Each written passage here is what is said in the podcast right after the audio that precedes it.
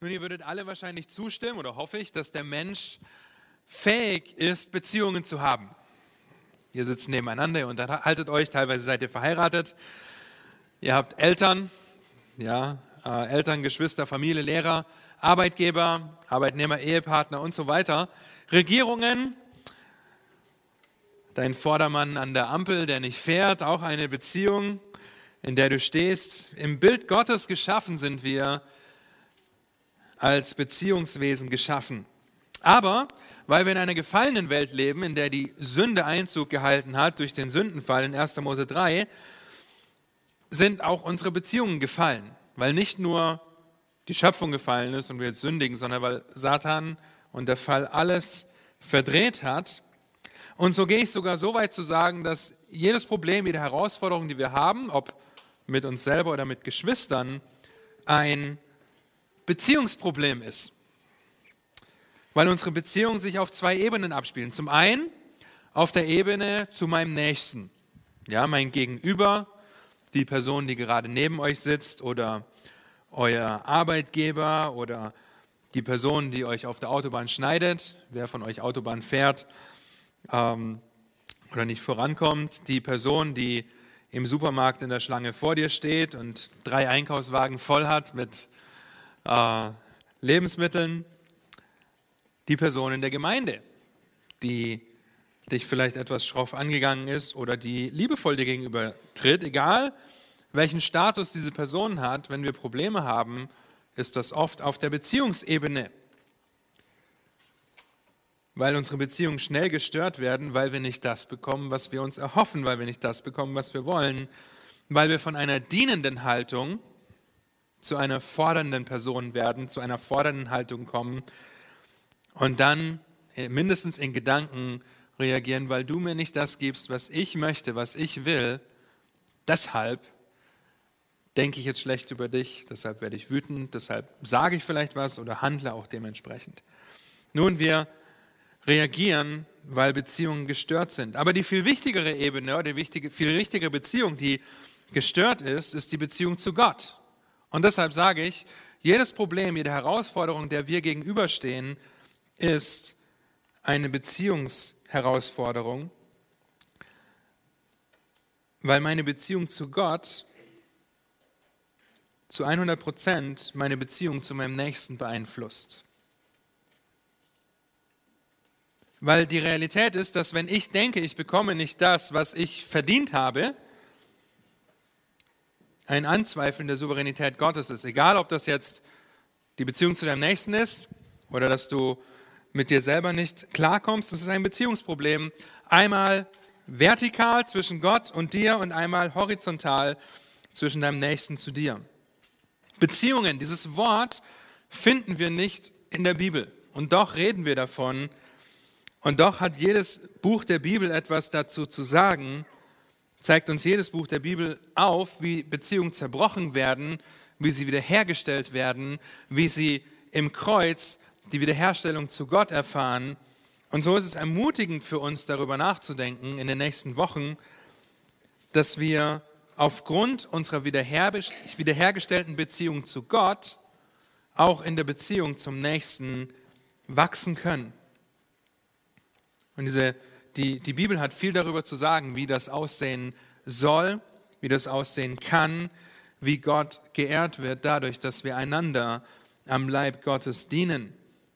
Und wenn du ein Kind Gottes bist und wenn wir uns auf die Einanderstellen konzentrieren, dann werden wir uns nicht so sehr darauf konzentrieren, jedes Mal das Evangelium zu erklären, weil wir davon ausgehen, wenn du am Gemeindeleben teilnimmst, dann möchtest du ein Teil der Gemeinde sein und hast das Evangelium verstanden und möchtest es in deinem Leben umsetzen. Aber wenn wir eine lebendige Beziehung zu Gott haben, weil er uns errettet hat, dann sind wir in der Lage, das erste und größte Gebot umzusetzen. Matthäus 22, ihr kennt das. Meister, welches das größte Gebot im Gesetz? Und Jesus sprach zu ihm, zu diesem Mann, der da kam, du sollst den Herrn, deinen Gott lieben, mit deinem ganzen Herzen und mit deiner ganzen Seele und mit deinem ganzen Denken. Das ist das erste und größte Gebot. Und das zweite ist ihm gleich. Du sollst deinen Nächsten lieben wie dich selbst. An diesen zwei Geboten hängen das Gesetz und die Propheten, Matthäus 22, Vers 36 bis 40. Es wird deutlich, dass Gott möchte, dass wir bedacht darauf sind, wie wir ihn und andere lieben. Das funktioniert nur durch den Heiligen Geist und deswegen werden wir diese Predigtserie an Gläubige richten, weil es sonst nicht möglich ist, Gott und den Nächsten zu lieben. Und das, was damit einhergeht, ist folgendes. Je mehr du danach strebst, deinen Nächsten zu lieben, weil du Gottes Wort in deinem Leben umsetzt, desto mehr wirst du in deiner Liebe zu Gott wachsen. Versteht ihr das? Je mehr ich danach strebe, Gottes Wort in meinem Leben umzusetzen und meinen Nächsten zu lieben, desto mehr werde ich in meiner Liebe zu Gott wachsen. Und andersrum ganz genauso. Je mehr ich in meiner Liebe zu Gott wachse, weil ich sein Wort lese, weil ich über sein Wort nachdenke, weil ich es umsetzen möchte, weil ich ihn lieb habe, desto mehr werde ich dem anderen dienen. Das geht Hand in Hand, das ist miteinander verknüpft. Und so spricht die Schrift immer wieder voneinander stellen, wie wir diese Beziehung leben sollen. Und so werden wir uns die nächsten 15 Wochen damit beschäftigen, 15 dieser Einanderstellen zu beleuchten. Circa 30 verschiedene Aufforderungen gibt es, also vielleicht gibt es irgendwann einen Teil 2, aber wir werden in diesen 15 Aufforderungen auch andere die das ergänzen oder vervollständigen, mit einfließen lassen. Wir werden die gemeinsame Zeit dazu gebrauchen, um die Stelle kurz aufzuzeigen, ganz kurz in den Kontext zu betten. Ich meine, in einer halben Stunde kann man nicht viel sagen über den Kontext und Zusammenhang und dann darüber nachzudenken, wie wir das praktisch in unserem Leben, in unserem Gemeindeleben anwenden und umsetzen können. Und deswegen heute eine kurze Einleitung. Was bedeutet das kleine Wort einander? Allelon ist nicht mit großartigen Problemen behaftet. Die Ausleger streiten sich nicht darüber, was es bedeutet. Es wird miteinander oder gemeinsam übersetzt. Ja, es kann sich auf zwei Personen beziehen, die miteinander reden, zum Beispiel Jünger auf dem Weg nach Emmaus, die miteinander reden. Es kann bedeuten, dass etwas voneinander getrennt wird, zum Beispiel Matthäus 25. Schafe von den Böcken in der Rede Christi über die Zukunft. Es kann aber auch damit übersetzt werden, dass etwas einander widerstrebt, der Geist dem Fleisch, Galater 5, Vers 17. Aber die meisten Stellen in den Briefen im Neuen Testament, wenn dieses Wort vorkommt, Allelon, bezieht sich auf die Gruppe von Menschen, die miteinander klarkommen müssen, nämlich die Geschwister der Gemeinde und die miteinander klarkommen können, weil der Heilige Geist in ihnen wohnt. Und wenn wir uns also um die Einanderaufforderung drehen werden, dann geht es um uns als gläubige Kinder Gottes, die ihre Hilfe als hilfsbedürftige Geschwister untereinander zur Verfügung stellen. Okay? Ich stehe hier, ich darf zu euch predigen, ich habe das Vorrecht, aber ich bin auf eure Hilfe, auf eure Liebe, auf euer Ansporn genauso angewiesen, wie ihr auf das meine seid. Wir sollen uns gegenseitig anspornen zu Liebe und zu guten Werken. Und das wollen wir in den kommenden Wochen gemeinsam betrachten.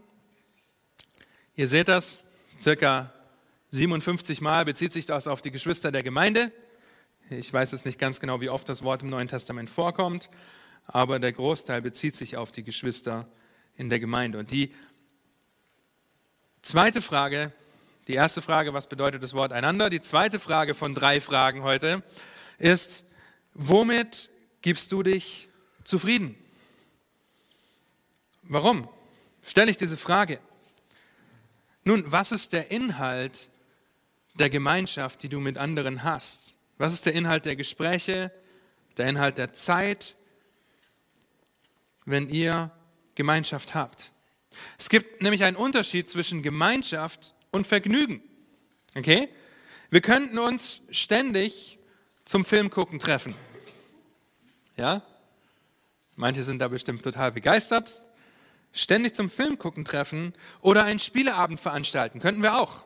Können uns zum UNO-Spielen treffen, können Monopoly oder was auch immer spielen. Aber ihr Lieben, das ist Vergnügen. Okay, das ist keine Gemeinschaft, wie die Bibel sie definiert. Es ist nicht falsch, lass mich das betonen, es ist nicht falsch, sich hinzusetzen und einen Film zum Vergnügen zu gucken. Ich weiß, letzte Woche haben sich die Jugendlichen oder jungen Erwachsenen zusammengesetzt und haben einen Film geguckt, der aber biblische Wahrheiten ähm, aufgezeigt hat, das ist auch wieder Gemeinschaft, weil man sich mit Gott Wortes beschäftigt. Das ist nicht falsch, Vergnügen zu haben, ist auch nicht falsch, einen Spieleabend zu veranstalten, aber lasst uns das nicht mit der Gemeinschaft der Heiligen verwechseln. Kolosser 3. Kolosser 3, Vers 12 bis 16. Dort schreibt Paulus, so zieht nun an als Gottes Auserwählte und Geliebte herzliches Erbarmen, Freundlichkeit, Demut, Sanftmut und Langmut. Ich weiß nicht, beim Mensch ärger dich nicht spielen ist das vielleicht herausfordernd. Ja? Ertragt einander und vergebt einander, wenn einer gegen den anderen zu klagen hat. Gleich wie Christus euch vergeben hat, so auch ihr. Über dies alles aber zieht die Liebe an, die das Band der Vollkommenheit ist. Und der Friede Gottes regiere in euren Herzen. Zu diesem seid ihr ja auch berufen, in einem Leib. Und seid dankbar, lasst das Wort des Christus reichlich in euch wohnen, aller Weisheit. Und jetzt wird wahre Gemeinschaft definiert. Lehrt und ermahnt einander und singt mit Psalmen und Lobgesängen und geistlichen Liedern dem Herrn lieblich in euren Herzen. Meine Herzenseinstellung kommt in der Begegnung, in der Gemeinschaft mit meinem anderen zum Vorschein. Und was immer er tut, in Wort oder Werk, das tut alles in dem Namen des Herrn Jesus Christus und dankt Gott, dem Vater, durch ihn. Womit gibst du dich zufrieden? Wenn du in Gesprächen bist, in der Wachstumsgruppe, sind es einfach nur Gespräche, die an der Oberfläche kratzen? Oder fangen wir an, tiefer zu bohren, zu fragen, liebevoll zu fragen. Sind es Gespräche wie, wie geht's? Mir geht's gut und dir? Auch gut. Top. Viel Spaß im Gottesdienst. Oder geht es um ernste Gespräche, die den anderen anspornen, sich demütig unter Gottes mächtige Hand zu demütigen? Wie kann das aussehen? Nun, zum einen, indem du die Herausforderungen deines Lebens mit den Wahrheiten der Schrift verknüpfst. Wie geht's dir? Und weißt du, ich bin schon seit einiger Zeit krank oder ich kämpfe einfach mit diesem Leiden und es fällt mir echt schwer, nicht entmutigt davon zu sein. Würdest du für mich beten, dass ich in Zeiten der Schmerzen Trost bei Gott suche? Das geht darüber hinaus. Wie geht's dir? Mir geht's gut. Ja, oder ich habe Kopfschmerzen. Ja, das geht darüber hinaus. Bete dafür, dass ich Trost bei Gott finde, suche. Oder es fällt mir zurzeit echt schwer, geduldig und freundlich mit meinen Kindern zu sein. Ich weiß, das geht euch Eltern nie so, mir schon. Ich will lieber, dass sie funktionieren. Würdest du für mich beten, dass ich in diesen Zeiten daran denke, meinen Kindern in Demut zu dienen und nicht den Wunsch habe, bedient zu werden? Gemeinschaft, die etwas bringt, weil Gebetsanliegen vor Christus kommen und betet wirklich für mich dass ich den Wunsch habe, zu dienen und nicht bedient zu werden. Ja, hier ist ein Gebetsanliegen. Betet für mich. Gebetsanliegen, die auf den Gott hinweisen, der alles in der Hand hat, dem wir uns unterordnen, weil Gebetsanliegen auf das Erbarmen, auf die Freundlichkeit, die Demut, Langmut und Liebe aufbauen. Okay, und nicht auf Situationen oder Umstände. Es geht nicht um Situationen und Umstände. Oder ein anderes Beispiel, mein Chef ist gerade wirklich gereizt und lässt das oft an mir aus. Ich bin mir nicht sicher, wie ich mit der Situation umgehen soll. Würdest du für mich beten, dass ich Weisheit habe und das Anliegen selbst demütig vor Gott bringe? Womit gibst du dich zufrieden? Gibst du dich mit einem, mir geht's gut oder ich habe Kopfschmerzen oder mein Chef ist gerade echt anstrengend zufrieden? Oder kannst du das formulieren mit einem Gebetsanliegen, das Gott erhöht und Gott ehrt. Betet füreinander. Bittet einander, füreinander zu beten. Versteht, dass ihr nicht in der Lage seid, unabhängig zu sein. Keiner von uns ist unabhängig. Galater 5, Vers 22, ihr kennt das, die Frucht des Geistes. Freude, Friede, Langmut, Güte und so weiter. Ja, ist die Frucht des Geistes, nicht meine Frucht, nicht mein Tun. Und die Frage ist, wovon sind deine Gespräche und deine Zeit mit Geschwistern geprägt. Epheser 5 könnt ihr nachlesen, wie das nicht aussehen soll. Ja, keine Witzeleien, soll nicht mal erwähnt werden. Welche Fragen stellst du deinem Gegenüber?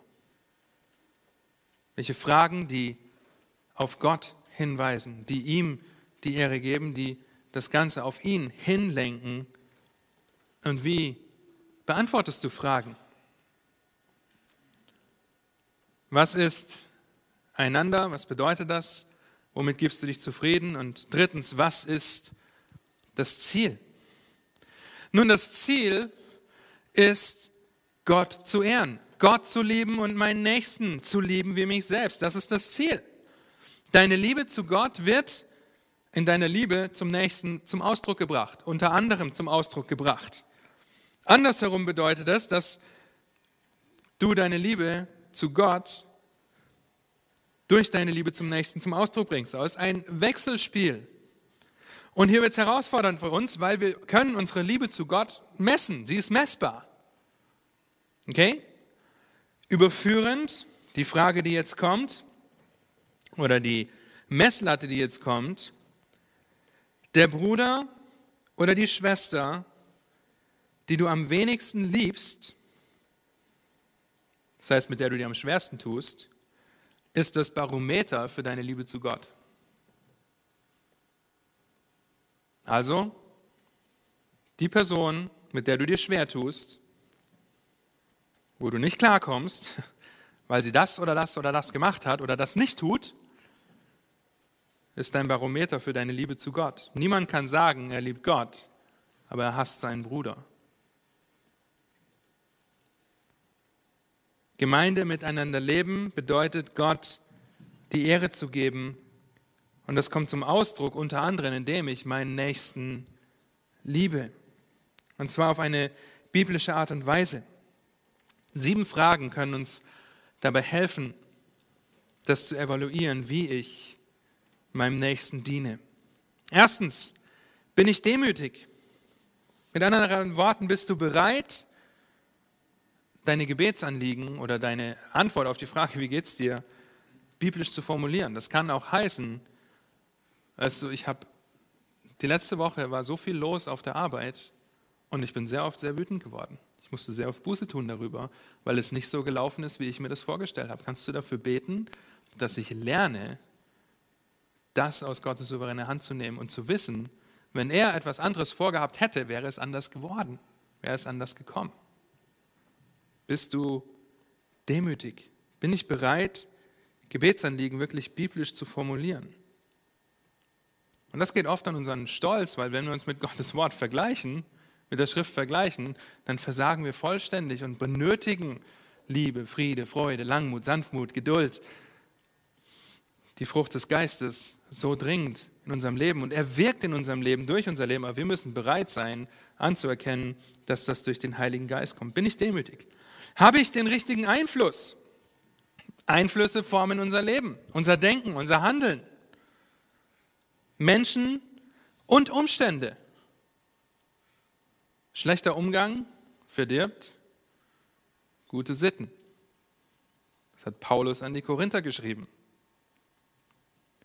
Was für einen Einfluss habe ich? Einflüsse formen mein Leben. Menschen und Umstände, denen ich mich aussetze.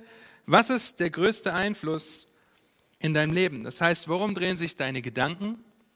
Womit verbringst du deine freie Zeit? Wie bestimmst du die Gespräche oder welchen Gesprächen entfließt du bei der Arbeit? Welchen Einflüssen setzt du dich aus? Denn wenn mein Einfluss mein Leben formt, dann trifft das zu, was Gottes Wort sagt in Lukas Kapitel 6, wenn es heißt, das, was im Herzen ist, das kommt raus. Das, was im Herzen ist, kommt raus. Welchen Einfluss habe ich? Was kommt raus? Gehe ich auf andere zu? Bist du bereit, Geschwister herzlich zu begrüßen und ihnen zuzuhören? Wir sind wieder eine so kleine Truppe geworden. Wir sind immer noch verhältnismäßig groß. Ja, ich freue mich riesig drüber, dass ich jeden Sonntag die Möglichkeit habe oder wieder die Möglichkeit habe, jedem von euch Hallo zu sagen. Und ich versuche das zu machen. Wenn ich euch mal vergesse, dann nicht, weil ich euch nicht mag, sondern weil ich euch übersehen habe. Das ist auch bitter, gell? Also, ich möchte auf euch zugehen. Geht ihr auf andere zu? Geht ihr aufeinander zu? Ja, vielleicht auch mal auf Leute, auf die ihr sonst vielleicht nicht zugeht. Bist du bereit, deine Geschwister herzlich zu begrüßen, ihnen gute Fragen zu stellen und auch die Bereitschaft zu haben, ihm zuzuhören. Ich weiß, dass das nicht immer sonntags möglich ist, ja, weil der Gottesdienst gleich losgeht oder weil man abends mit den Kindern nach Hause muss, aber ihr habt die Möglichkeit. Gemeindeleben, beim gemeinsamen Essen könnt ihr ins Gespräch kommen. Ihr habt die Möglichkeit, in euren Wachstumsgruppen ins Gespräch zu kommen. Ihr habt die Möglichkeit, euch auch außerhalb von Gemeindeveranstaltungen zu treffen. Ihr seid erwachsen. Ja, ihr könnt euch verabreden. Ihr dürft das tun, um euch gegenseitig zuzuhören und auch darüber nachzudenken, okay, was sagt Gottes Wort eigentlich dazu? Ja, liebevoll aufeinander zugehen. Viertens, kenne ich mein Gegenüber? Weißt du um die Herausforderungen, die Stärken und Schwächen im Leben deines Bruders oder deiner Schwester? Weißt du, was sie traurig macht, was sie liebt, was sie fröhlich macht? Weißt du, wovor sie sich fürchtet oder wo sie wütend wird? Das sind Anregungen für euch, darin zu wachsen. Weiß ich das? Wenn ich für, wen pick ich mir denn raus? Beate bete, ja, weiß ich um ihre Herausforderung? Oder wäre das für mich ein Anlass, sonntags oder mittwochs mal auf sie zuzugehen und sagen, hey Beate, wofür kann ich nächste Woche gezielt für dich beten? Ich komme später zu dir. ja, wofür kann ich nächste Woche gezielt für dich beten? Damit ich die Herausforderungen weiß und die Person im Gebet erheben kann. Auch das ist der Dienst an meinem Nächsten. Kenne ich mein Gegenüber? Bete ich für andere? Nicht nur, dass ich sage, ich bete für dich, sondern bete ich auch wirklich dafür. Hast du dich vielleicht schon mal nach einem Gespräch, nach dem Gottesdienst direkt mit der Person hingestellt und gesagt, lass mich noch schnell für dich beten? Auch wenn das vielleicht im ersten Moment komisch erscheint, wenn irgendwo zwei Leute im Raum stehen, die miteinander beten, aber Gebet ist der Atem des Christen. Er bringt unsere Schwäche zum Vorschein oder er erkennt unsere Schwäche an und bringt sie dem lebendigen Gott vor den Thron. Warum sollten wir das also nicht machen? Miteinander, füreinander beten, auch an einem Sonntag oder während nach einem Gespräch. Sechstens, rede ich über Leid in meinem Leben. Leid und Herausforderungen sind überall. Die, spricht, die, Schrift spricht davon. Seit dem Sündenfall gibt es keinen Menschen, der nicht geprüft wird, der nicht versucht wird, der nicht mit Herausforderungen in seinem Leben zu kämpfen hat. Vielleicht nicht alle auf die exakt selbe Weise, aber wir alle tendieren dazu, nicht Gott anzubeten, sondern unsere Umstände. Nicht auf Gott zu blicken, sondern unsere Umstände. Bin ich bereit, über die Herausforderungen in meinem Leben zu reden? Und wenn ja, bin ich dabei ein gutes Zeugnis oder ein schlechtes Zeugnis? Rede ich davon in, dem, in der Gewissheit, dass der souveräne Gott es in der Hand hat? Oder rede ich davon, dass ich mir nicht so sicher bin und denke, Gott hat mich vergessen, hat mich verlassen, hat mich links liegen gelassen und er gibt mir nicht, was ich will. Bin ich bereit, darüber zu reden? Und ich sage jetzt nicht, wir fangen ab nächsten Mittwoch an, hier Zeugnis zu geben und jeder kommt dran und muss sein Leid erzählen. Ja, aber seid ihr bereit, auch wenn ihr in Einzelgesprächen seid oder miteinander redet, über Leid und Herausforderungen zu reden? Und siebtens bin ich bereit, über Sünde zu reden. Wir alle sündigen. Uns ist vergeben im Kreuz. Aber wir sind nicht sündlos. Sind wir nicht. Und das ist eines der schwersten Sachen, unseren Stolz zu überwinden und über unsere Sünde zu reden. Aber nicht nur über unsere Sünde, sondern auch die Angst davor zu haben, wenn ich Sünde im Leben eines anderen sehe, das zu konfrontieren. Bin ich bereit, eine Galater 6, Vers 1 und 2 Person zu sein? Ihr Brüder, wenn auch ein Mann oder ein Bruder im von einem Fehltritt übereilt wird, so seid ihr, die ihr geistlich seid, helft einem solchen Geist der Sanftmut zurecht und gebt dabei Acht auf dich selbst, dass du nicht auch versucht wirst. Und dann Vers 2, einer trage des anderen Lasten, so erfüllte das Gesetz des Christus. Bin ich bereit, über Sünde zu reden, nicht sie auszuschmücken. Okay, dafür sind Seelsorgegespräche da, dafür sind intensive Jüngerschaft da, wo wir darüber nachdenken wollen, wie konkret können wir daran arbeiten. Aber bin ich eine Galater 6, Vers 1 und 2 Person im Leben meines Nächsten? Und wenn du das bist, die nächste Frage, die ich dir stellen kann, ist, halte dir oder die nächste Faustregel, die ich dir vor Augen stellen will, ist, wenn du nicht weißt, ob ich das ansprechen soll oder nicht, dann prüfe. Wenn es beim Namen nennbare Sünde ist, dann sei spezifisch und konfrontiere das. Wenn du siehst, ja, dass Jonathan aus der Kollekte Geld geklaut hat, macht Jonathan nicht, das weiß ich, ja, dann gehe ich hin. Ich würde noch mehr, noch schneller hingehen, wenn das Gideon gewesen wäre. Ja? Oder Alex. Nein, ja? Dann, er muss ja zählen. Das ist, also, ja, ähm, wenn es beim Namen nennbare Sünde ist, dann bereite das im Gebet vor, geh in Liebe hin und weise den Nächsten im Geist der Sanftmut auf seine Sünde zurecht. Nun, wenn du dir nur, wenn du dir Sorgen machst, weil du etwas beobachtet hast oder eine Frage bezüglich des anderen dir stellst, weil du nicht weißt, okay, wie kann ich das greifen, dann sprech das liebevoll an, ohne den anderen dabei zu verurteilen. Zum Beispiel, etwas, was du letzte Woche gesagt hast, hat mich echt beschäftigt. Es ging um den Konflikt, den du mit deiner Frau hattest. Ja, manchmal tauscht man sich ja aus. Ich habe mich echt beschäftigt. Hättest du Lust, nochmal drüber zu reden? Ja, ich habe einfach noch ein paar Fragen dazu. Ohne gleich zu sagen, ja, sondern du weißt nicht, vielleicht nicht, ob der Konflikt ganz geklärt ist oder ob es da mehr gibt. Hey, wie kann ich gezielt für dich beten? Hast du Lust, da nochmal mit drüber zu reden? Beziehungen. Beziehungen sind überall.